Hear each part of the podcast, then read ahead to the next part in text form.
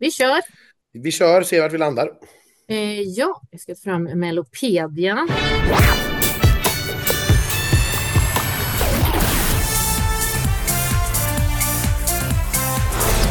Då var vi här igen då, Anders. Jajamensan Elaine, redo för deltävling 4 i Eskilstuna.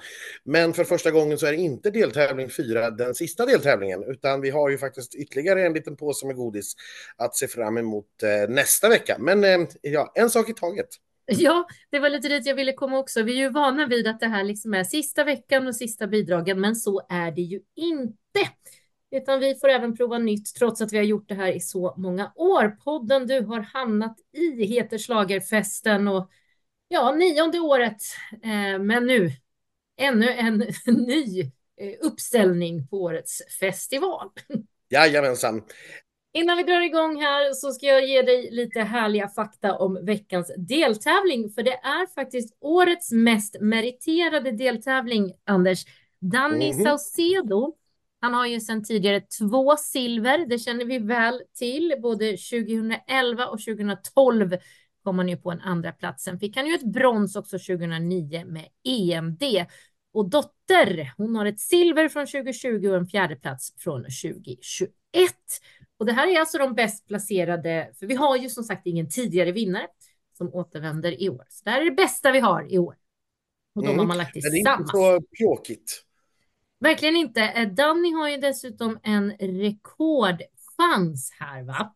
För han mm. kan gå in och försvara de manliga artisterna i årets melodifestival som bara har bidragit med en tredjedel av låtarna som gått vidare hittills. Eh, och det var inte det som var rekordchansen dock, inser jag. Rekordchansen handlar om att han kan bli den som har vunnit flest deltävlingar i Melodifestivalens historia eftersom han alltid har vunnit sina deltävlingar. Just nu delar han den platsen med Mariette. Ja, just det. Ja, men det stämmer ju. Eh, det kan mm. bli en 50 rad där. Jajamän. Mm. Och sen har vi ju då låtskrivarnas superduell då. Eh, mm. Eh, Dino Medanocic eh, har ju varit med och skrivit Dotters låt. Eh, han går nu in i en hård kamp mot Jimmy Joker Törnfeldt som den här veckan har skrivit Albins låt. Dino har gått direkt till final från sin deltävling med nio bidrag i rad. Eh, dessutom är ju de här nio bidragen samtliga som han har tävlat med sedan debuten. Jimmy Joker har gått till final direkt eller via uppsamlingskval med elva bidrag i rad. Eh, det här kan ju fortsätta då, men han har ju faktiskt också bidrag som inte har gått direkt till final ja, men hur som helst, de här fortsätter gå sida vid sida. Eh, så ja. det är eh, rekordlåtskrivare som är med den här veckan och slåss. Mm. Det är spännande ju. Det är spännande i sig, en tävling i tävlingen där. Eh, båda de här två herrarna står ju verkligen för extraordinära prestationer måste man ju säga. Alltså att få med, bara att få med flera bidrag varje år och sen dessutom att allihop liksom bara går till final, det är år efter år. Ja. Det, är, ja, det är spännande. Det är otroligt imponerande. Ja. Innan vi kastar oss in i Volvo CE Arena, som det numera heter. Sist vi var där hette det Stiga Sports Arena, men den har man ju döpt om sen sist då. Eh, har det hänt något i Eurovision-världen den här veckan eh, värt att nämna? Ja, men vi har haft lite nationella finaler naturligtvis. Vårt eh, grannland Danmark, det här pratade vi om lite snabbt i söndags redan, eh, skickar Saba med eh, Sand. Och den är svenskskriven av bland annat Jonas Tander och eh, Melanie Webe. Vilket gör, det lite, vilket gör det lite extra roligt naturligtvis för oss svenskar. Eh, vi hade också en eh, final i Litauen där Sylvester Belt lyckades vinna. Han, eh, hans låt Luktelk har legat etta på deras eh, ja, topplista sen den tävlade i den första deltävlingen för fyra veckor sedan. Eh, med något litet kortare avbrott sådär. Så det är en jättehit i Litauen som de nu skickar. Och det är naturligtvis alltid roligt när det blir eh, stora hits. Ja. Moldavien hade sin final. Den här har jag faktiskt inte ens hört. Natalia Barbo, jag vet att hon har tävlat tidigare eh, med låten In the Middle. Och det känns ju som en låt titel vi har hört tidigare åtminstone. Ja, det låter bekant. Ja. Eh, Tyskland hade också sin final, de hade det i fredags. Och där vann Isak med låten Always on the run. Där var jag lite besviken ska jag säga, för jag hade en ganska stor favorit själv eh, i Ryck och Oh Boy som dessvärre bara slutade på tredje plats. Aj. Men så kan det vara. Vi har dessutom fått låtar nu i veckan. I eh, måndags fick vi höra Polens låt. De har haft en intern uttagning och de har röstat lite grann. Och den, de avslöjade att den interna uttagningen då som de hade så vann den här låten med bara ett enda poäng. Mm. Och det är Luna som ska sjunga The Tower i Malmö. Eh, på tisdag morgon fick vi också hela eh, bidraget ifrån Belgien. Eh, där är det Musti som kommer att sjunga låten Before the Party's Over. Det, eh, Musti har vi vetat jättelänge och låttiteln har vi också vetat ett tag, men nu är alltså också låten släppt. Så det har hänt lite grejer där. Naturligtvis kommer det ju att hända saker även i veckan som kommer. Kroatien drar igång med eh, semifinaler på torsdag och fredag. Sen gör man ett litet uppehåll där och kör sin final på söndag. Jaha, eh, istället. Okay. eh, och vid sidan av att Sverige då kör sin deltävling 4 så har också Island sin andra semifinal. Portugal drar igång med sin första semifinal. Och det naturligtvis det vi alla, alla väntar på allra, allra mest.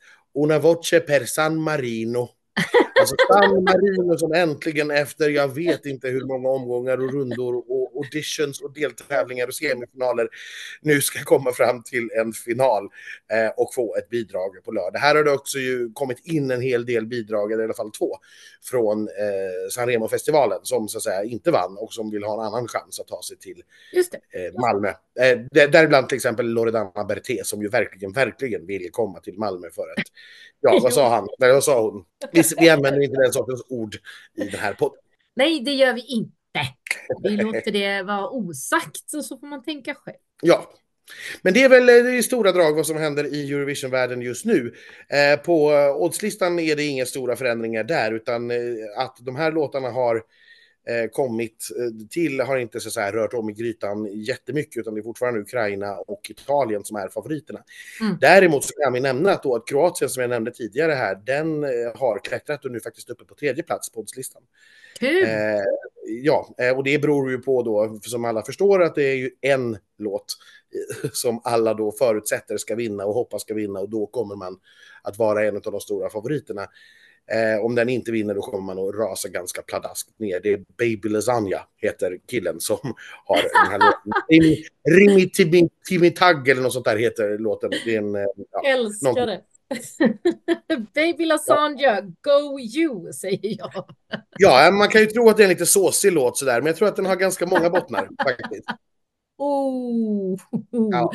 Den där, den där tas med till eh, kommentatorsbåset tror jag om Baby Lasagna vinner. Så kan det vara. Ska vi in i Volvo CE Arena nu då, Anders, tycker du? Det tycker jag verkligen att vi gör. Mm. Det är dags att åka till Eskilstuna. Och i Eskilstuna ska vi allra först få träffa killen som vi bekantade oss med i Idol 2022. Eh, innan han klev in i Idol spelade han ju tennis på heltid. Eh, men Idol gjorde att han släppte tennisen och istället satsar på musiken. Han heter Olof Albin Tingvall och han föddes 2003 i Sigtuna. Mm. det är också kul vad det står på Melopedia. Han är mångsidig och hans mål är att skriva låtar som berör. Ja, det och det är ju ungefär allt som finns att säga om Albin. Han är ju debutant här. Han är ju hyfsad debutant i musikvärlden eh, rent generellt. Eh, låten är skriven däremot av betydligt eh, bekantare namn. Joy Deb, Linnea Deb och Jimmy Joker Törnfeldt. De behöver vi väl inte presentera kanske. Nej, de är välkända namn för de som lyssnar på den här podden eller tittar på Melodifestivalen. Eh, jag, jag, eh, har faktiskt snappat upp en liten rolig detalj, att Albin är en av de få på senare år som liksom helt spontant faktiskt bara har dykt upp på en Idol-audition. De allra mm. flesta numera är ju castade, det vill säga man har varit i talangjakter och så vidare. Eh, är lite kända, blir rodda att gå dit eh, för att testa och sådär. Eh, men Albin kom verkligen bara rakt in från gatan och lyckades ju ta sig då hela vägen upp till andra platsen. Och det är ju ganska talande för honom skulle jag säga. Vi tog ett litet snack med honom här och pratade in, inför veckan och Ja, men han känns ju lite som den typen som inte riktigt har någon tanke eller plan utan som är, ja, det är lite grann åt ena hållet och så blir det lite åt andra hållet och så blir det nog bra i slutändan. Ungefär alltså, så fick jag känna. Lite som en hundvalp, kan man säga så utan att det blir nedvärderande på något sätt? Ja, för det, för det är verkligen som det, både du och jag är mycket förtjust i, i hundar. Ja, ja, men jag sympatisk och eh, charmant ung man. Jag vet inte, ska vi lyssna på hur, hur det samtalet gick? Ja, men det gör vi. Och innan vi gör det så ska jag bara tillägga att låten heter Done Getting Over You. Du är nervös, säger du? Ja, det Det är du. Ja, Varför är du så nervös? Nej, men jag, jag står på scen på lördag. Mm. Det var länge sedan. Det var väldigt länge sedan. Det var ett, ett, ett år sedan, drygt ett år sedan. Mm. Vad har du gjort sedan du stod på scen senast? Ja, jag har, eh, ja, vad har jag gjort? Jag har varit väldigt mycket bad, typ försökt landa och ta det lugnt. Eh, skrivit mycket musik hemma. Eh, varit i studio, skrivit musik. Eh, släppt två låtar i våras och sen så släppte jag en jullåt också. Så lite sånt har jag gjort. Och nu kanske du har eh, danstränat lite också? Ja, det, det, det, har jag absolut. Jag, var, jag kom från träning nu till och med. Är det sant? Ja, faktiskt. Så det, det är väl typ det jag varit nervös över, tror jag. Ja. Hur mycket dans blir det? Vi har ju sett att du ska ha dansare med dig på scenen, så kommer du också få svänga loss. Ja, alltså jag kommer absolut röra mig och hur mycket det får ni se på lördag. Men fysiken här... finns, det har jag ju sett på Instagram. Det är mycket gym också nu. Ja, precis. Jag tränar mycket. Det är väl mitt sätt att hantera det här tror jag. Och det har jag väl haft med mig ändå sen till och med innan Idol, så det är skönt att jag har kvar. Hur kom den här tanken på Mello? Var det din idé eller var det någon annans idé eller hur, hur kom det till? Jag tror att det var eh, en blandning. Alltså vi, det var en, en, dialog vi hade med, eller jag hade med skivbolaget. Vi, jag vet att skivbolaget kom eh, till mig och sa att, eh, att vi skulle testa söka in och hur jag kände kring det. Och jag var taggad. Så att jag, vi, vi skickade in och det gick hela vägen, så det var jätteskönt. Är det en dröm ja. du har haft med Mello? Alltså det har varit, det har varit lite konstigt, för jag, jag höll inte på med musik innan Idol. Så det var ju liksom typ min, min musikerfarenhet var under Idol. Och jag tror att det var efter Idol som jag kände att ah, men det vore jättekul att få vara med i Mello. Men innan, när jag var yngre, liksom, då tror jag att då var det aldrig en tanke av att jag ens skulle någonsin kunna vara med. Det var liksom aldrig en vision eller det var aldrig, jag ville ju inte hålla på med, det var ju tennis jag ville hålla på med. Mm. Så det var ju det jag hade fokus på. Så att musiken har kommit väldigt sent. Eh, så jag skulle inte säga att jag så drömt om att vara med i Mello. Men eh, det har ju varit någonting jag har växt upp med och jag har kollat på liksom, med familjen. Och, och nu känns det helt, det känns helt overkligt att kolla på deltävlingarna som har varit nu och veta att ja, nästa bidrag som är uppe på den där scenen, det är jag. Liksom. Så det känns sjukt. Det är det faktiskt. Så drömmen om Wimbledon är nu strykt och det vi drömmer om nu är Eurovision i Malmö. ja, precis. Så är det verkligen. Wimbledon har jag lagt på hyllan faktiskt. Ja. Vad tycker du om året hittills då, när du har suttit hemma och tittat? Eh, alltså, jag tycker det har varit jättebra. Alltså, jag är väldigt eh, överraskad över. Jag har liksom haft ändå. Jag har en annan inställning nu när jag kollar för att nu blir det här mina konkurrenter så att det är ju inte så här. Så jag försöker ju analysera vad de gör, vad jag kan göra bättre eh, och lite sånt. Man vill ju sticka ut typ. Så det har varit, varit mycket sånt, men alla har verkligen levererat och jag tycker det är, det är fantastiskt kul att se. Och eh, det, det, är väldigt, väldigt häftigt att de, det är väldigt många också som kanske inte ens har varit jag har ju fått turen att stå i en stor tv-produktion liksom, med kameror och stå på, eller stå på en stor scen. Så jag har ändå gjort det här någonstans innan, även fast jag är väldigt nervös. Eh, men jag tänker att det är ju flera som aldrig stått på scen. Liksom. Mm. Nervositeten var ju ett problem i Idol vid tillfällen. Ja. Eh, har du liksom fått lära dig hantera den nu så att den inte dyker upp här på, på liksom, till helgen? jag, jag, jag, är, jag är liksom väldigt nervös lagd av mig skulle jag säga. Jag har alltid varit väldigt så här nojig och stressad över saker. Eh, och som sagt, det var ju ett väldigt stort problem under Idol. Jag fick ju liksom ha läkare med mig för att jag inte skulle liksom svimma. Typ. Eh, och det, alltså jag, vet, jag har inte sovit på fyra veckor, så mycket kan jag säga. Åh oh, herregud, du kommer däcka det... på efterfesten. ja, nej, alltså jag, kommer, jag, vet, jag vet inte hur jag ska ta mig igenom den här veckan bara. Jag var, jag var, jätte, jag var jättenervös igår när jag gick och la mig för att jag liksom hade intervjuer idag och jag hade mitt sista kamerarep och sånt där. Så det, har varit, det har varit lite nervöst. Och eh, det kommer nog inte bli mindre nervöst ju närmare lördagen jag kommer. Vad är, vad är det som gör att du utsätter dig för det här gång på gång på gång? För det låter helt fruktansvärt. ja, det har jag frågat mig själv också.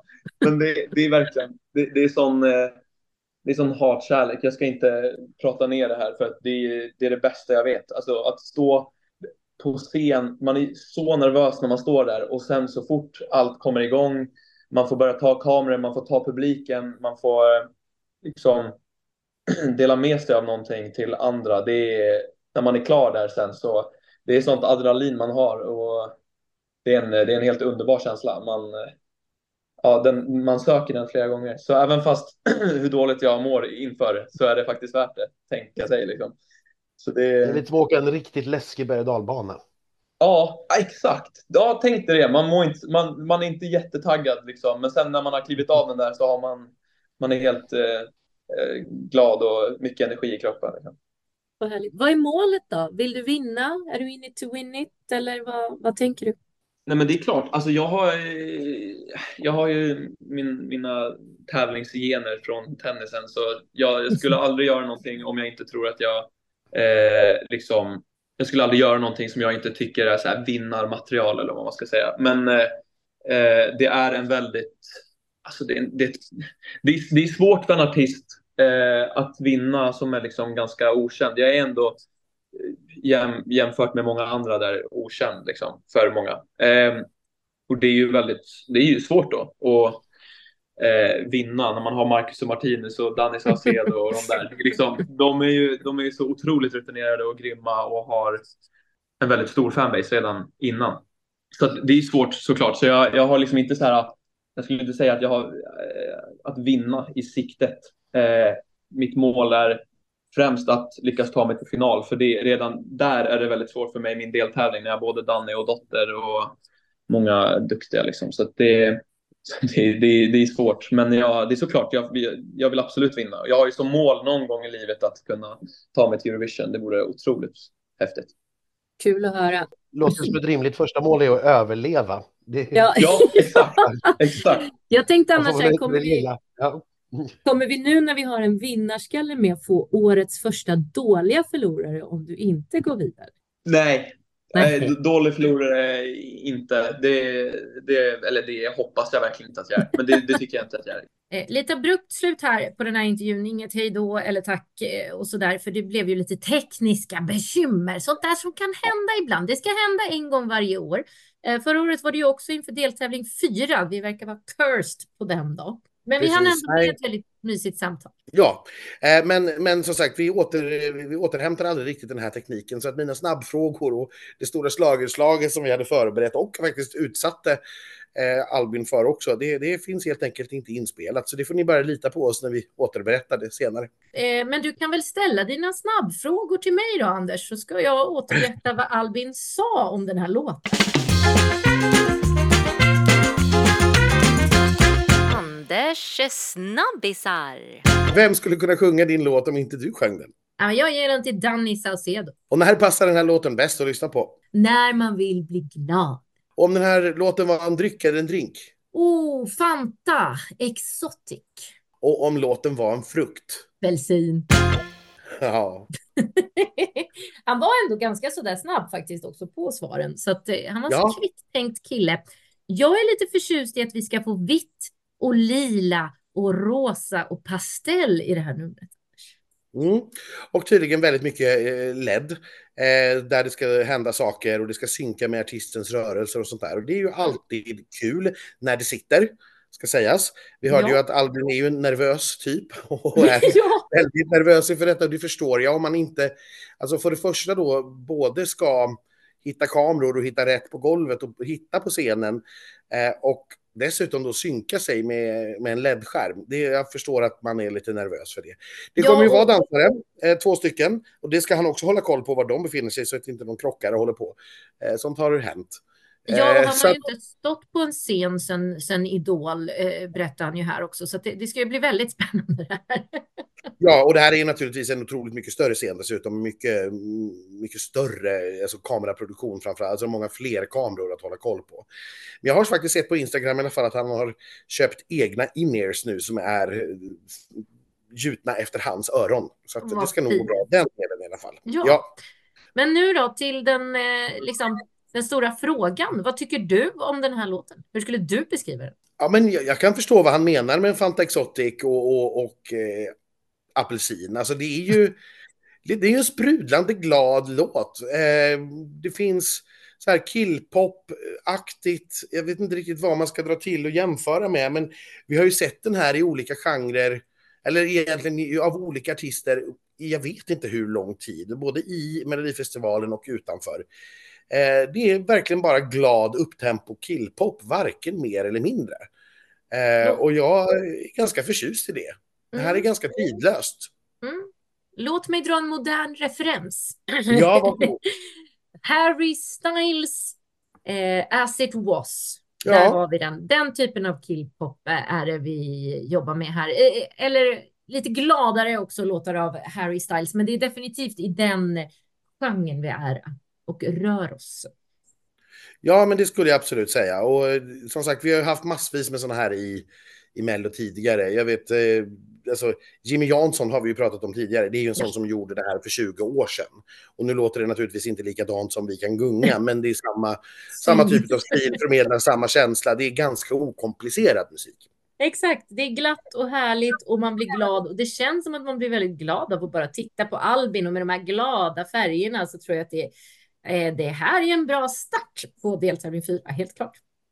Det tycker jag. Hoppas bara att han kan eh, hålla nervositeten i schack så att det inte liksom blir en kaskadspya över scenen. Eller något sånt. Ja, alltså jag är nästan nervös för hans skull nu, men, men, men det visar sig hur det går eh, på torsdag. Helt enkelt. Ja, ja, jag blev också nästan nervös för hans skull, ska jag säga. Ja, det brukar jag inte bli. Men...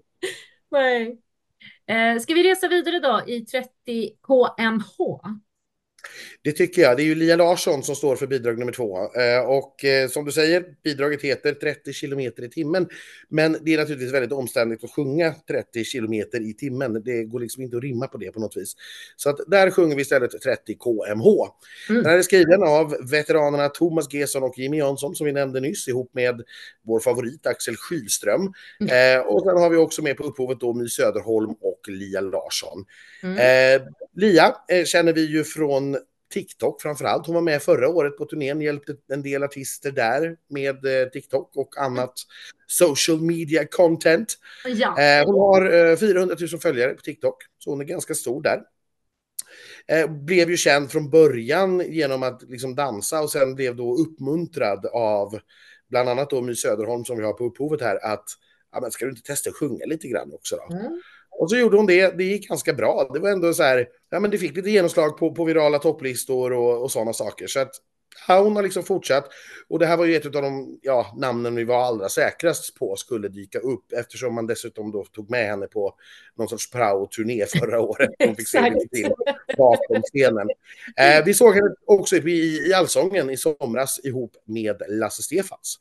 Ja. Eh, och ja, vill du tillägga någonting här tror Alltså, eh, hon har ju på mindre än ett år strömmats nästan 30 miljoner gånger på Spotify. Men så släpper hon ju också ungefär en låt i veckan sådär. Ja, alltså, nu, nu är du lite elak. Det är inte Fröken Snusk, utan det, det är begränsat antal låtar skulle jag säga. Okay. men, men, ibland kom det en i veckan. Men nu var det ju faktiskt ett tag sedan, för nu har hon väl då helt enkelt eh, laddat upp för Melodifestivalen. Och på, bakom scenen kommer vi ju faktiskt få Melanie Webe bland annat som ska köra på 30 kmh. Det är verkligen en sån här vecka när alla är på plats. Alltså alla låtskrivare och alla skivbolagen och till och med Melanie Weber har lyckats leta sig in som körsångerska. Ja. Det kommer bli roligt det här. Ja, det kommer bli en svinrolig vecka. Eh, förutom Melanie så får vi på scenen se då de fyra husdansarna. De ska vara med allihopa.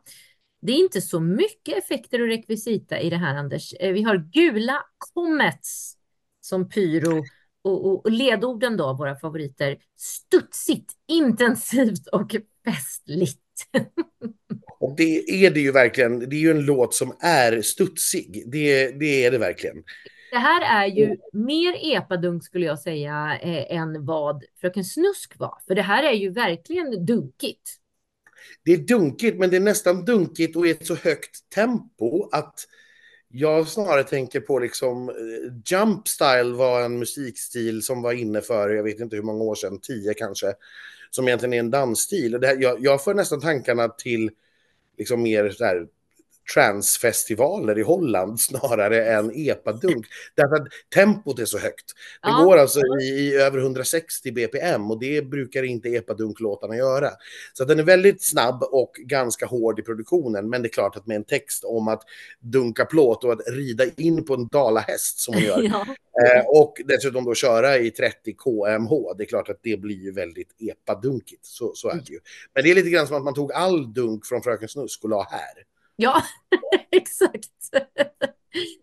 Det här ska bli väldigt kul att se också hur Lia klarar sig på scen, för hon har ju inte heller stått på några större scener. Eh, Allsångsscenen är väl det största hon har gjort eh, hittills. Eh, Ja, roligt tycker jag dock. vi får se hur, hur det låter. Man har ju nu satt två personer förutom Melanie och Emelie Fjällström som ska vara Mm. kör utanför scen. För det är klart, någon stor vokalist har väl inte Lia gjort sig känd att vara. Eh, så Nej. kan vi säga. Så vi får se hur det kommer att låta live. Men jag, jag tycker att det här är en kul låt. Jag tycker att det är fullt rimligt att vi har två stycken låtar i den här genren med i årets eh, tävling. I synnerhet när man har lyckats få två ändå liksom, huvudnamn i genren Mm. på något vis. Eh, Ja. det, det tycker jag är fullt rimligt. Så jag, jag tycker att det här är kul, det är ett kul nummer. Och eh, jag ser fram emot vad de har hittat på på scen. Helt enkelt. Ja. Får se om de tar med sig någonting eh, från Lias eh, hemtrakter i Mora. Vi kanske får Mm. en återanvändning av dalahästen från eh, Fröken Snusks Ja, det är nummer. omöjligt. Nej. Det står i och för sig inte, men den kanske hittade dit. Man vet aldrig. Ska vi ta oss vidare då till en schlagerfestfavorit som heter Johanna Jansson till vardags, men ju kallas för Dotter. Vi ska från Dalarna till Värmland. Eh, Dotters eh, artistnamn anspelar alltså på Moder Jord och förkärleken till djur, natur och världen vi lever i. Vi sökte ju upp Dotter och hittade henne redan vid debuten Rye 2018. Men det var egentligen inte förrän 2020 som hon blev dotter med hela svenska folket då hon ju tågade in med Bulletproof som från, ja, kom från ingenstans egentligen och blev tvåa till slut i Melodifestivalen 2020 och var väl i ärlighetens namn kanske den stora favoriten. Det var absolut den stora fanfavoriten i alla fall. Och det var ju Ja. en av de jämnaste melodifestivaler vi har haft. Det var ju bara ett enda poäng som skiljer henne från The Mamas. Ja, plats 49 hamnade den på på Spotifys globala lista, så det visar ju hur mycket de internationella fansen hittade henne i alla fall. Eh, sen var hon ju tillbaka och kom fyra med Little Tot, även då ett poäng efter The Mamas som kom trea. Eh, nu behöver hon inte oroa sig för i år är inte The Mamas med och eh, kan slå henne med ett poäng. Hon har i år ett bidrag som heter It's not easy to write a love song. Det var tydligen inte lätt att få säga heller. Det är en ganska lång titel, men och eh, vi ska väl säga då att de har ändå lyckats att skriva en kärlekssång, hon och sambon Dino Medan Hodzic. De har ju dessutom blivit föräldrar ganska nyligen. Mm. De har ju en, en little tot där hemma. Eh, Men jag ska tala om en sak för dig att med sina 34 tecken, på tal om lång titel då, så är It's not easy to write a love song årets längsta låttitel. Men den saknar faktiskt tre tecken för att kunna slå sig in på topp tre genom tiderna längsta låttitlar. Vill du veta de längsta låttitlarna? Naturligtvis. På tredje plats, Jag blir lycklig var gång jag ser dig, Sylvia Vrethammar 1971. Och Ska vi plocka körsbär i min trädgård med Ann-Kristin Bernsten 1975. Båda de här har 37 tecken. På andra plats, I want to be Chris Isaac. This is just the beginning. Kommer du ihåg vem som gjorde den och när? Det var The Moniker som gjorde den och det var ju året efter hans succélåt. Eh, men nu blir jag lite osäker på vilket år detta var. 2012 eh, var det och han kom ju sist i den deltävlingen så det kan ju vara det. minns jag mycket väl. Mm. 53 tecken hade den och sen har vi då på första platsen Ursäkta min samiska. En värld full av strider. Etneme gusnien doaroe. Mm, det var säkert helt fel, men ja. det var i alla fall Jon Henrik Fjällgren och Anina ja. 2017. 55 tecken, den allra längsta låttiteln. Nu var det professor Elaine idag. Ja, tydligen. Ja, vad har du mer att säga om Dotter och hennes It's not easy to write a love song om vi går tillbaka till det som är väsentligt. Det här, ja men det är ju en, en midtempo-ballad får vi väl beskriva det som. Den börjar med ett litet pianoklink Mm. Eh, som sen utvecklas till en ganska stor, tycker jag, ljudbild, lite symfonisk, sådär ganska härligt stor, lite episk som man vill ha. Och sen går den tillbaka till pianoklinket och, och blir igen då den här stora symfoniska avslutningen. Jag tycker att den är väldigt, väldigt vacker. Det är också väldigt texttätt, alltså det är mycket text i den här. Mm. Eh, den blir inte så här tjatigt upprepande som är vanligt, utan det känns lite mer som att det här faktiskt är ja, men de, har, de har kämpat med att skriva den här kärlekslåten och till slut liksom på något vis fått till det. Mm. Eh, här ska ju finnas en, eh, en flygel på scen. Och vi får väl se hur man interagerar med den. Hon har ju utlovat ett nummer som vi inte har sett förut. Jag vet inte riktigt vad det är. Eh, ja. Jordnära, edgy och retro är orden eh, mm. som vi ska följa här. Och man kommer då på något vis att försöka få ljus och bild på scenen att följa låten då, att den växer från små till eh, små rörelser till stora rörelser mm. och så vidare. Då. Så att mm. jag, jag måste säga att jag, jag gillar det här, men jag är lite tveksam till hur det kommer att gå tävlingsmässigt. För att det är klart, den som förväntade sig en ny Bulletproof eller en ny Little Tot med dansbeats, den kommer mm. ju att bli besviken, för det är det ju inte. Det är ju inte alls en sån låt. Utan det här är ju en midtempo-ballad. Ja. Jag tycker att den är oerhört fin och jag tror att det här är en låt som också kommer att växa på mig väldigt mycket ju, ju fler gånger jag hör den. Mm. Eh, I takt med att man liksom upptäcker mer och mer nyanser. Men jag, mm, jag vet inte om det kanske var den comebacken som hennes många fans hade hoppats på. Nej, Nej, jag är också lite eh, osäker. Jag, jag vet att jag tänkte under uppspelningen att jag tyckte att den var lite tråkig för att jag nog också hade förväntat mig någonting helt annat. Men när jag fick höra den en andra gång så kände jag lite som du att nej, men den är ju faktiskt väldigt fin. Jag var bara inte beredd på vad det skulle vara för någonting. Så jag är lite som du där. Jag är nog också lite osäker på om folk bara kommer känna, nej men vad fan, det var inte det här jag ville ha. Det är ju en risk man tar när man går åt ett helt annat håll, samtidigt som som sagt med Bulletproof och Little Tot så var väl kanske den vägen lite grann kommit till vägs ände. Man kan inte, det såg vi på Klara Klingenström förra helgen. Man kan mm. inte liksom mm. upprepa sig själv, för det belönas inte heller. Nej. Så att jag, nej. Ja, det, det, ska bli spännande att se hur det går. Eh, jag ja. är väldigt förtjust i den i alla fall, så jag hoppas på det bästa. Och det, Dotter är ju som sagt också en stor favorit till oss, så att även på det personliga planet så unnar jag henne verkligen all framgång. Eh, och även Dino naturligtvis, som är en ja. gullig kille. Men ja. jag undrar vem det är som ska få ta hand om barnet. Jag tyckte jag hörde någonstans att hon hade sagt att Dino skulle få vara hemma den här helgen. Nej, eh, kunde de och, inte eh, skaffat en barnvakt? och så här, vi skulle ju såklart ha velat träffa Dotter inför det här avsnittet eftersom vi alltid följer henne. Hon är en favorit. Men tiden fanns inte för oss eller för henne. Förhoppningsvis får ni höra lite mer av henne i fredagens avsnitt istället, för då kommer vi att hunnit träffa henne i Eskilstuna istället. Jajamän. Sen ska vi då till något helt annat. Eh, ja. Vi ska till Scarlett och det är ju egentligen en svensk metal-duo. Mm. Eh, nu kommer de att göra låten Circus X som jag inte riktigt skulle kalla ändå för metal. Nej. Det här är ju något, något annat. Eh, det här är en duo som heter Scarlett. Den består av artisterna Scarlett och Thirsty. Och vilka de är då, det, det, vet vi inte riktigt. De är anonyma, det är såna här läskiga ansiktsmålningar och sådana grejer på dem. Så att vi vet inte. Det är återigen anonyma människor. Ja. Redan haft Röken Snusk och, och, i år. Så att det verkar vara något trendigt. Jag vet inte. Kan du inte berätta för mig, Anders, vart Scarlett är född? Oj, ska jag göra det? Eh, Scarlett, förstår du, hon har fötts ur människors ilska och längtan efter frihet. Oj! Eh, hon, ja, hon växte upp på en katolsk friskola. ja. eh, det är en varelse som egentligen har en, en dubbel natur. Det är både liksom geni och galenskap. Ja. Ljus och mörker, eld och is, kärlek och hat eh, i ett. Så att det är, eh, det är den personen det är. Och det ja. är något annat än vad vi har från, från Dolly Style till exempel. För de, de personerna har ju också en bakgrundshistoria, att de kom från Dollyville och så vidare. Här är det lite mörkare. ja, verkligen. Ja, men jag, det här tycker jag är ganska... Oj, vi, måste faktiskt också ta alla de här låtskrivarna, för nu, ja. nu är det ju så här många igen, så jag får ta ett djupt andetag. Gör det. Staffan Amberlind, Emil Bemer, Simon Bostedt, Jessica Rachel Chertok, Ian Paolo Lira, Henrik Pieroff och naturligtvis eh, Scarlett och Thirsty också med där på upphovet.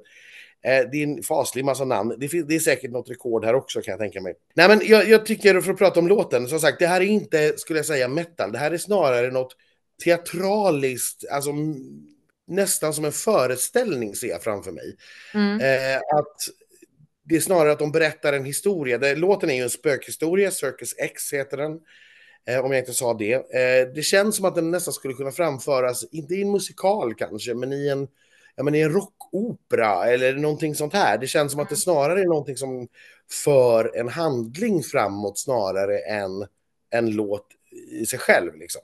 Gud, ja. Eh, på det sättet. Och jag, jag tycker att det är ganska härligt att vi får något helt annat. Sen har jag ingen aning om om det här kommer att gå så bra i tävlingen, om det är det här vi sitter och röstar på på lördagskvällen.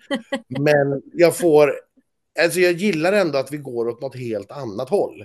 Mm. Att vi inte får ytterligare en låt som låter som något helt annat. Eller, ehm, ja men du vet, vi pratar om artister som upprepar sig själva eller att ja, det här låter ju precis som den låten. Jag, jag, tycker det är jättekul att vi får någonting som är väldigt, väldigt svårt att hitta en jämförelse till. Så får vi se om det funkar eller inte. Ja, alltså jag eh. tycker ju att alltså numret verkar ju också vara som någon form av musikal och det verkar faktiskt vara riktigt, riktigt läskigt. Det ska vara röda ballonger och det ska vara gunga i tjocka rep och det ska vara händer som växer ut och artister som försvinner i något nedsläckningsparti. Alltså, jag var rädd för fåglarna förra året i Nordman. Hur rädd kommer jag inte vara under det här? Ja, nej, det kommer. Jag, ser jättemycket fram emot det här, alltså se vad det är liksom man har skapat av det detta för någonting. Vi kommer att ha alla fyra husdansare på scenen och vi har också eh, kör utanför scen då som ska hjälpa till med sången här. Så jag, jag, ser fram emot det, men det är verkligen något helt annat än vi har sett i Mello hittills i år. Ja, det gör det väldigt hårdtippad, men jag tycker också att det är väldigt roligt. Ja, det är fantastiskt häftigt. Och Anders, nu har jag hittat det. Du har rätt. Med sina åtta låtskrivare så delar Circus X Melodifestivalrekordet för flest låtskrivare i ett bidrag tillsammans med Where You Are, Savage och eh, Echo från Outrigger 2014. Just det, precis så. Mm. Jag sitter och läser på lite grann här om låtskrivarna också. Vissa känner vi ju igen här. Ian Paolo Lira till exempel känner vi ju igen från Lilla Syster. Mm. Henrik Peroff har ju varit med och skrivit Länge lever livet åt Eva och Eva, vilket är en, en, en, en, en lustig ja, kompis till den här låten. Eh, men jag ser till exempel här Staffan Amberlin, jag tänkte nu kanske du piggnar till här, har faktiskt, eh, han har skrivit till till exempel Günther. Han har stått bakom musiken som spelas i Love Island i Storbritannien. Jaha då, jag har hört ja, honom misstänker jag. Det är ju mitt favoritprogram, ja. ja. Eh, Emil Bemer, en EDM-producent. Eh, och det kan, tycker jag nästan man kan höra i det här att det finns ju faktiskt lite syntinslag i det här ja. också. Det finns ju, alltså själva hooken är ju egentligen inte sång, utan det är ju en liten pianoslinga eller vad man ska säga som ett blipplopp-ljud som liksom går i en slinga om och om, och om igen. Och den har jag haft väldigt svårt att få ur huvudet idag, den här slingan. Så det är en ganska effektiv liten hook som man har lagt ut. Så att, ja, bra gjort, tycker jag. Jag tycker den här är så häftig. Jag, jag, vet inte om jag tycker att den är bra egentligen, men jag tycker att den är så häftig. Och jag tror att det kommer bli en jävla upplevelse, ursäkta min svenska, fransk, ja. Och som sagt, jag kommer vara rädd. Och då är det ju skönt att det kommer något riktigt, riktigt välbekant härnäst.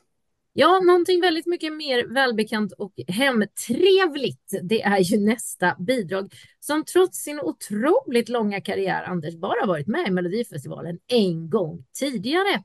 Och det är många år sedan, det var 2011. Jag pratar om Lasse Stefans. Olle Jönsson såg väl till att de åter hamnade på tapeten när han ställde upp i Så mycket bättre. Det här bandet har ju så lång historia, va, Anders, så att jag vet inte ens om jag orkar dra allt.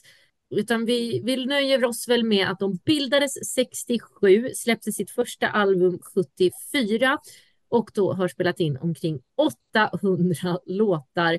2011 var de med med En blick om någonting händer som åkte ut i delfinal.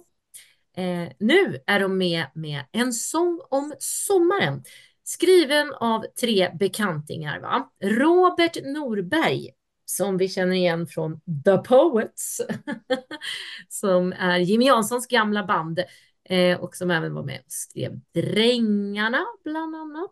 Eh, och sen har vi då Anders Vigelius från eh, Drängarna och sen då Anders Wrethov som likt Lasse Stefans har bytt ut sitt S mot ett Z. Precis, och Lasse, att Lasse Stefans eh, gjorde det en gång i tiden, det var ju för att ja, det var för många S i namnet, så att när man skulle skylta på Folkparken dit de kom så hade de slut på S. Mm. Och då fick de sätta dit ett Z på slutet och det tyckte bandet själva var så häftigt. Så det behöll man. Och det var ju det här som skapade hela stilen med Z på slutet för dansband. Ja. Eh, så att vi förstår ju vilket, vilket avtryck de här har haft på Dansband Sverige. Som sagt, 67 bildades de. Jag har för mig att jag har läst någonstans att de har spelat in 44 album. Det låter helt omöjligt. Det är så orimligt mycket så att man kan inte riktigt... Ja, ja det är helt sjukt. Eh, Robert Norberg ska jag väl säga, jag var lite otaskig där när jag sa att han bara skrivit Drängarna. Han har ju faktiskt även skrivit Dolly Styles Habibi och On My Way till eh, Panetos förra året och Anders Wigelius har också, var också han med på On My Way. Eh, varför Reto har skrivit det tänker jag inte gå igenom allihop för honom. Känner ni till? ja, det är, det är, så många nu så det, det, kan vi inte rabbla. Här kommer vi att bygga upp någon sorts brygga Mm -hmm. Som det ska vara eh, utskjutande bryggor på på scenen och så gissar jag att det då ska vara, man ska ha omgivande vass och jag kan tänka oh, mig att... återanvänder Claudis från förra veckan då. Ja, men kanske det kanske. eh, jag gissar att ledgolvet kommer att vara liksom vatten som kluckar under bryggan här eller någonting sånt där. Eh, för det var låten handlar om. Det handlar ju om en eh, kväll, sommarkväll på, på bryggan och ja, hur vi... Ja, jag vet inte, den där sången vi skrålade en gång för länge sedan, sjung den igen, en sång om sommaren. Ja. Och så har man ju då tagit det vanliga dansbandssoundet och så har man lagt på en liten fiol mm. och så har man mm. fått det bli mycket, mycket mer Guld och gröna skogar, den här låten som jättemånga har försökt att kopiera efter dess. Eh, och vi har faktiskt med oss Jannike Stenlund på fiol också på scenen. Eh, så hon kommer att spela där. Vi gissar att den inte är inkopplad, för det brukar ju inte instrumenten vara. Nej, så är det ju. Nej. Eh, ja, nej, men det här är ju, det här är ju bara feelgood musik. Det här är ju bara musik som man blir glad och varm i hjärtat av och tycker jättemycket om. Jag har väldigt svårt att tro att någon liksom skulle tycka illa om det här. Nej, det kan jag ju inte tänka mig. Eh, absolut inte. Eh, men däremot kanske jag också har svårt att tänka mig att, att man tycker det är liksom bäst den här veckan. Ja, så är det. Alltså, det brukar ju inte gå så bra för de här stackars dansbanden. Det är några som har försökt här nu mm. de senaste åren. Det brukar inte gå så bra i den här tävlingen. Sen har ju de har gått vidare och fått guldklavar och sådana här saker. Så ja. Det har blivit stort i dansbandsvärlden. Men tydligen så är det inte ens så att dansbandspubliken röstar på dem i Melodifestivalen. Och det är naturligtvis lite tråkigt kan jag tycka. Ja, men eller så är det väl så att dansbandspubliken inte är tillräckligt utspridd bland åldersgrupperna. Eh, inte de som tittar på Mello i alla fall. Nej, så kan det ju vara. Eh, eller i alla fall inte är tillräckligt många i, i de just Lasse Stefans har ju fått en ny publik, ska man säga, på senare år i och med att de också har blivit lite kult ihop här med E- epadunkens framfart. Ja. Eh, ju bevisas då av att Lasse Stefans ju var de som sjöng duetten med Lea Larsson på Ja. Allsången i somras till exempel. Eh, ja, men jag, nej, det brukar inte fungera och jag tror inte att det gör det den här gången heller. De börjar bli ganska till åren komna, de här grabbarna i gänget. Och hur mycket jag än älskar det och jag skulle jättegärna se det att det liksom hö- höll sig kvar i tävlingen. Så nej, jag har väldigt svårt att tro på det. Eh, Jag Mm. tror att det får det väldigt, väldigt svårt. Men det är, en, det är absolut en favoritlåt eh, till Mm. mig. Som jag kommer att lyssna på mycket och på länge. Eh, I alla fall så länge det är vinter, för då kan man få någon sorts liten sommarvärme ur den här låten. Jag, jag kan tänka mig att det här är en låt som kommer kanske spelas och skrålas i, i vår schlagerbil, eventuellt. Så skulle det kunna bli att den, ja, i förbifarten råkar åka, åka på någon gång. Vi kan ju säga så här att förra årets Mello, under den så släppte ju Lasse Stefans en låt ihop med Sofie Svensson, eh, som ju gjorde Bubbel på balkongen med Elov och Beni, som hette Kom och rulla i mitt rullande hus, som handlade om att ha husbil. Och den skrålades ju, så att Lasse Stefans, de, de har ju en plats i bilen, det har de ju. Ja, så är det. Men ja, och vi behöver inte förklara låten mer än så, för att det är en dansbandslåt med lite guld och gröna skogar touch helt enkelt. Ja, och jag tror att alla förstår på förväg ungefär hur det låter och ingen kommer att bli besviken på det. Men nu tycker jag att vi kastar oss till kanske den mest, vad ska jag säga, Efterlängtade. Ja. ja, eller i alla fall det numret som man ser allra, allra mest fram emot, som alla har varit mest nyfikna på i år. Eh, och det är ju Danny Saucedo med låten Happy That You Found Me som får avsluta i Eskilstuna. Och jag vill gå tillbaka till vad vi sa redan i höstas när låtarna släpptes, att jag är lite glad att han inte är i den sista deltävlingen och får det sista startnumret där. Att man inte liksom lägger den förväntan på honom också. Mm. För jag Mm. tror att tittarnas förväntningar är höga som det är. Och med så höga förväntningar så är ju risken att folk blir besvikna. För man förväntar sig att bli blåst av stolen. Mm. Och, och det är svårt att leva upp till. Ja, Men vi ska prata lite om bidraget först. Då. Låtskrivarna Kristoffer Fågelmark, John Martin och eh, Michel Cit- Citron. Eh, också Danny Saucedo med på upphov. och jag bara till lägga till en sak där. Det, det här tycker jag är någonting som man ändå vill eh, fördjupa sig i vid tillfälle. För när bidragen släpptes på presskonferensen, eh, då var inte Danny Saucedo med på upphov. Och jag vet att vi gjorde en hel grej av det då, att så här, intressant att inte Danny själv är med på upphovet här. Och nu har man petat in honom på upphovet. Mm. Mm. Och nu får jag ju killgissa då, för jag, vet ju naturligtvis inte alls vad som har hänt. Men jag är duktig på att killgissa. Ja, Eh, ja, jag, jag tror ju att det som har hänt är att man helt enkelt i produktionen när man har jobbat med låten sedan dess, för det är ju ganska länge sedan nu, så mm. har Danny varit inne och pillat eh, lite här och där, kanske bytt några ord, Mm. kastat om någonting och då har han också fått någon liten procent på upphovet på den. Mm. Det är min gissning. Mm. Det är ju brukligt numera att artisterna är med på upphovet också. Helt enkelt därför att det är Spotify-strömmarna som ju eh, den stora intäkten kommer Ja. från och, och det går framför allt till upphovspersonerna. Den som sjunger får ganska lite. Ja. Eh, så. så är det. Men det här är ju eh, kända namn i alla fall. Eh, de här namnen, Kristoffer Fågelmark och John Martin och eh, Michel Citron, de har ju Alltså det är Swedish House Mafia och det är Afrojack och det är Avicii och det är, jag vet inte hur många stora namn, Martin Garrix, Axel Ingrosso, One Direction. Det Ja. är så många stora namn de har skrivit åt så att man blir nästan alldeles, ja, lite vimmelkantig bara av att läsa det. Lite starstruck. Ja men faktiskt lite grann så. Ja. Men det, som- det som är roligast här är ju Michel Citron, Citron, jag måste lära mig uttala mig på Ja, detta. citron. Nej, inte, inte citron utan citron. Ja, Eh, var ju en av låtskrivarna till Dannys, ja det var väl genombrottshitten egentligen, If Only You 2007. just det. Eh, och det här är ju lite intressant därför att den här låten går ju faktiskt tillbaks till det spåret.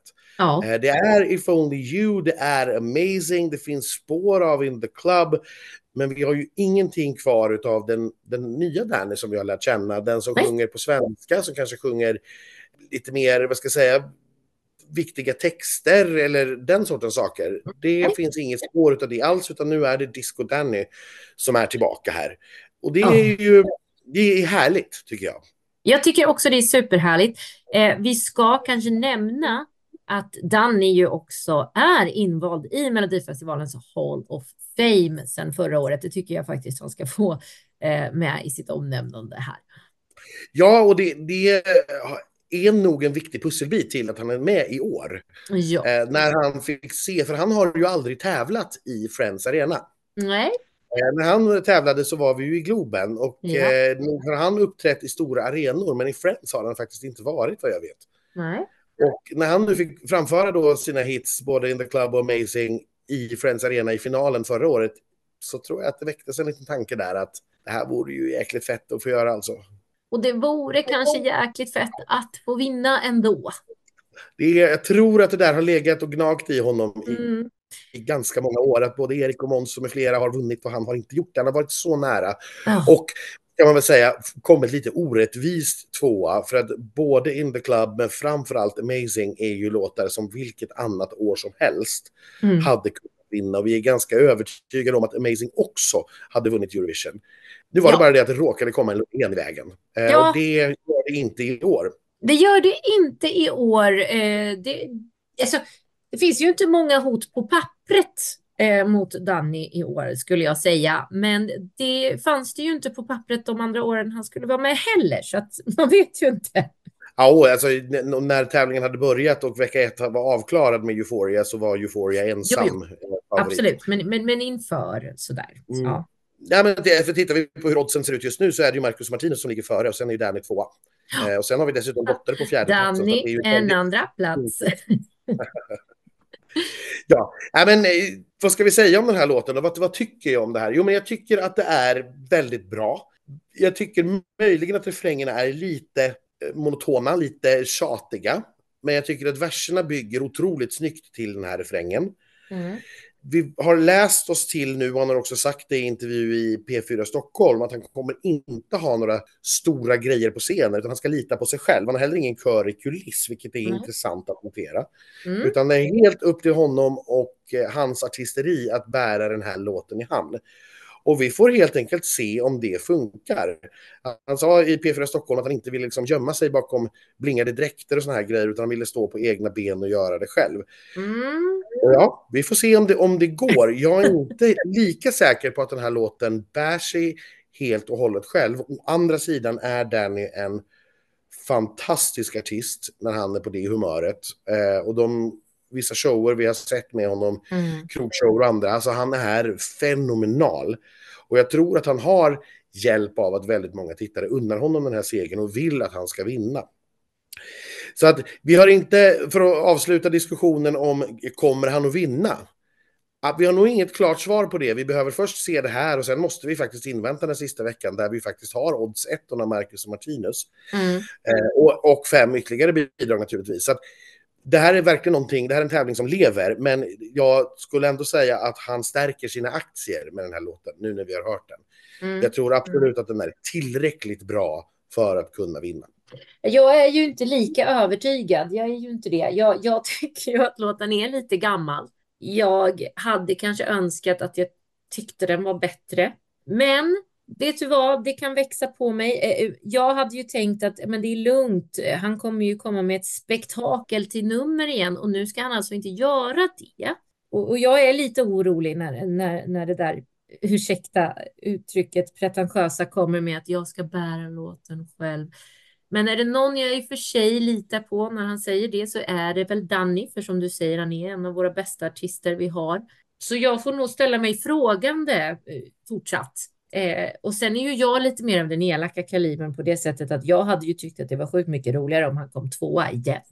Det, det hade ju jag velat se hellre än att han vinner.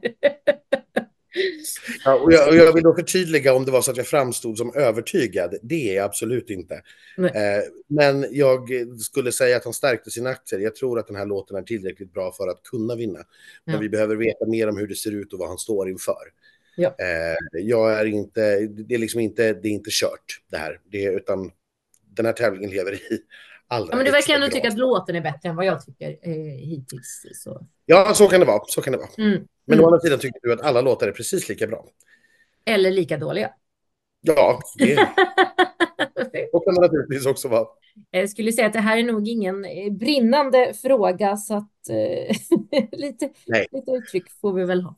Det var ju det. Jag tänkte säga nu går vi vidare till nästa bidrag, men det gör vi ju inte. Roligare än så blir det helt enkelt inte i Eskilstuna. Vi får se vad de hittar på med programmet den här veckan efter Framförallt är man lite nyfiken på Björn Gustafsson, om det finns en liten comeback här efter den här ja, men resterna får man väl ändå säga som vi serverades i lördagens program. Om man ja. har någon ny, rolig och bättre idé och vad de hittar på för skojsigheter med Karina. Det är man lite nyfiken på. Det är man faktiskt. Ehm, och innan vi rundar av helt och hållet så ska vi väl berätta att Albin också fick vara med i Slagerslaget. Han är ju med och, och utmanar. Ehm, men för att göra det då eh, lite lättare, jag hade tänkt att Anders skulle få vara Albin här. Du vill gå igenom fråga för fråga? Du får frågorna så ser vi om du kan.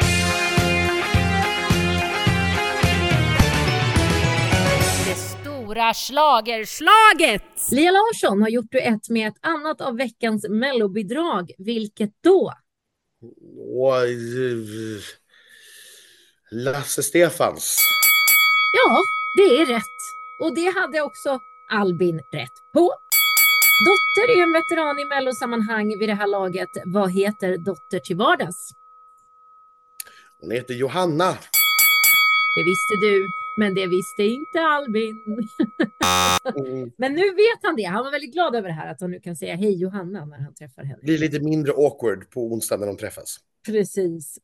Scarlett är en läskig duo bestående av Scarlett själv och ja, vem då? Vad heter den andra karaktären? Jag vet ju också det, det eftersom vi nu har precis pratat om det. Thirsty heter den andra karaktären.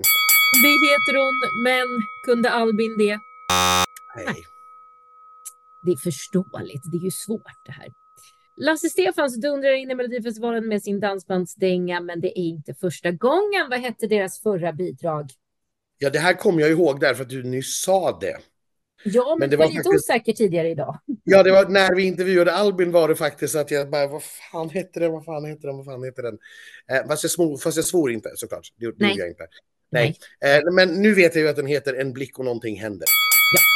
Eh, det visste inte Albin, inte heller så konstigt. Det var ju 2011 som den var med. Men Danny Saucedo han fyller ju år på söndag vid midnatt på efterfesten. Då är det dags att poppa champagnen och fira Danny, för då blir han hur gammal? Och det här hade jag faktiskt inte heller riktigt exakt koll på, men det hade ju faktiskt Albin som kunde räkna ut det. För han visste hur, hur eh, gammal Danny var när han besökte dem i Idol. Och så räknade han automatiskt ut att därmed fyller han 38. Ja! Och med det så fick ju då Albin två poäng och eh, ja, Adam Woods är fortfarande i toppen. Ja, ser väldigt bra ut för, för uh, Adam i den här tävlingen. Ja. Anders? Ja? Ska du packa din väska? Jag hade ju tänkt att vi skulle tippa också. Vi måste ju göra det. Vi får, det, vi turas vi om det är alltid någon av oss som glömmer bort en del. Ja, vi turas om att påminna varandra. Eh, jag tror att Danny tar det här. Eh, i den här deltävlingen. Eh, och sen tror jag att han tar Dotter med sig till final. Jag tror att det är så pass förutsägbart. Eh, där bakom blir det sen kanske lite klurigare då, men jag tror att Albin är en mycket god trea. Mm. Och utesluter inte att han skulle kunna ta någon av finalplatserna faktiskt. Om det är så att tittarna blir för besvikna på antingen Danny eller Dotter. För det finns som sagt risk i båda de fallen som vi har pratat om att tittarna blir lite besvikna. Om mm. det inte är vad de har förväntat sig. Mm. Och då finns det en öppning för Albin att ta en finalplats. Eh, sen tycker jag det är svårare och då här blir nästan lite den sista platsen då till finalkvalet. Jag får nästan använda uteslutningsmetoden. Jag tror att man tycker Scarlett är för konstigt och jag tror att man tycker Lasse Stefans är för gammalt. Mm. Och då blir det Lia Larsson som får den fjärde platsen. Mm. Oj, jag tänker nog att Danny tar det, för det är tryggt och bekvämt och, och mysigt. Jag tror att han tar med sig Albin till final, för jag tror att det är mer direkt och Dotter tar den där tredjeplatsen, den starka tredjeplatsen. Eh, sen tror jag då att hon har en stor chans sen att ta sig därifrån, men jag tror att folk kommer bli lite så där. Oj, det var inte det här för jag förväntar mig, men sen kommer den att växa på folk. Så därav tror jag det. Sen är jag lite som du med fjärdeplatsen här alltså. Det är antingen kommer folk tycka att Scarlett är skitkonstigt eller så kommer man tycka att det är superhäftigt. Bara för att vi inte ska vara likadana då så sätter jag eh, Scarlett. Mm. Så har vi ändå Eh, och- vänt på lite grejer. Ja, exakt. Eh, och oddsmakarna just nu, när vi spelar in det här, säger att Danny är favorit att vinna deltävlingen. 1,35 gånger pengarna. Det är ett väldigt, väldigt lågt odds. Mm. Eh, på andra plats att vinna är Dotter, 2,33 gånger pengarna. Eh, tredje plats, Albin, 9,4 gånger pengarna. Så här är det ju ett jättehopp. Ja, Eh, men verkligen. sen har vi ett lika stort hopp igen, för på fjärde plats har vi Scarlett med 17 gånger pengarna, Lasse Stefans 17,5 gånger pengarna och Lia Larsson 30 gånger pengarna. Eh, Så oddset håller inte riktigt med mig här om att Lia Larsson skulle vara fyra eller fjärdehandsfavorit i, i sammanhanget. Vi får se vem som har eh, rätt helt enkelt när vi har sett Alltså- mer av detta. Vad vi lärde oss av förra veckan, förutom att eh, kika som La Gunilla, var ju att oddsen har inte alltid rätt. Nej, de har inte det. I, i alla fall inte när, det, när vi inte har alla förutsättningar. Eh, när vi kommer till Eurovision senare så är det en helt annan sak. Men här har ju ingen sett låten framföras i sitt tävlingssammanhang förrän alla gör det samtidigt på lördag kväll. Eh, och, och därför så kommer oddsen att vara lite tokiga här och var. Och vi ska vara lite försiktiga med den här publikundersökningen också, har det, har det ju visat sig. Ja. Eh, man prioriterar gärna upptempo och glatt i den, eh, före lite mer subtila bidrag som visar sig sen gå bättre i omröstningen. Men det blir en spännande eh, kväll även på lördag. Vi är ju såklart på plats i arenan, eller jag i alla fall, på fredag och följer repetitionerna. Du kanske joinar mig där. Eh, och Ja, det följer gör jag. Frågan är när. Och sen så är det ju genrep som vanligt och ni börjar kunna det här nu. Det kommer ett avsnitt sent på fredag kväll när vi går igenom vad vi har sett på genrepet och en sista tippning inför tävlingen på lördag. Mm. En blick och någonting händer Allt börjar om igen Minnena återvänder Till den stora kärleken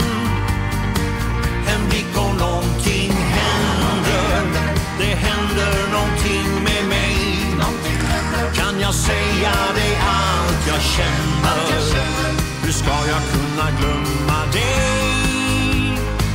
Kunna glömma dig. Kunna glömma dig.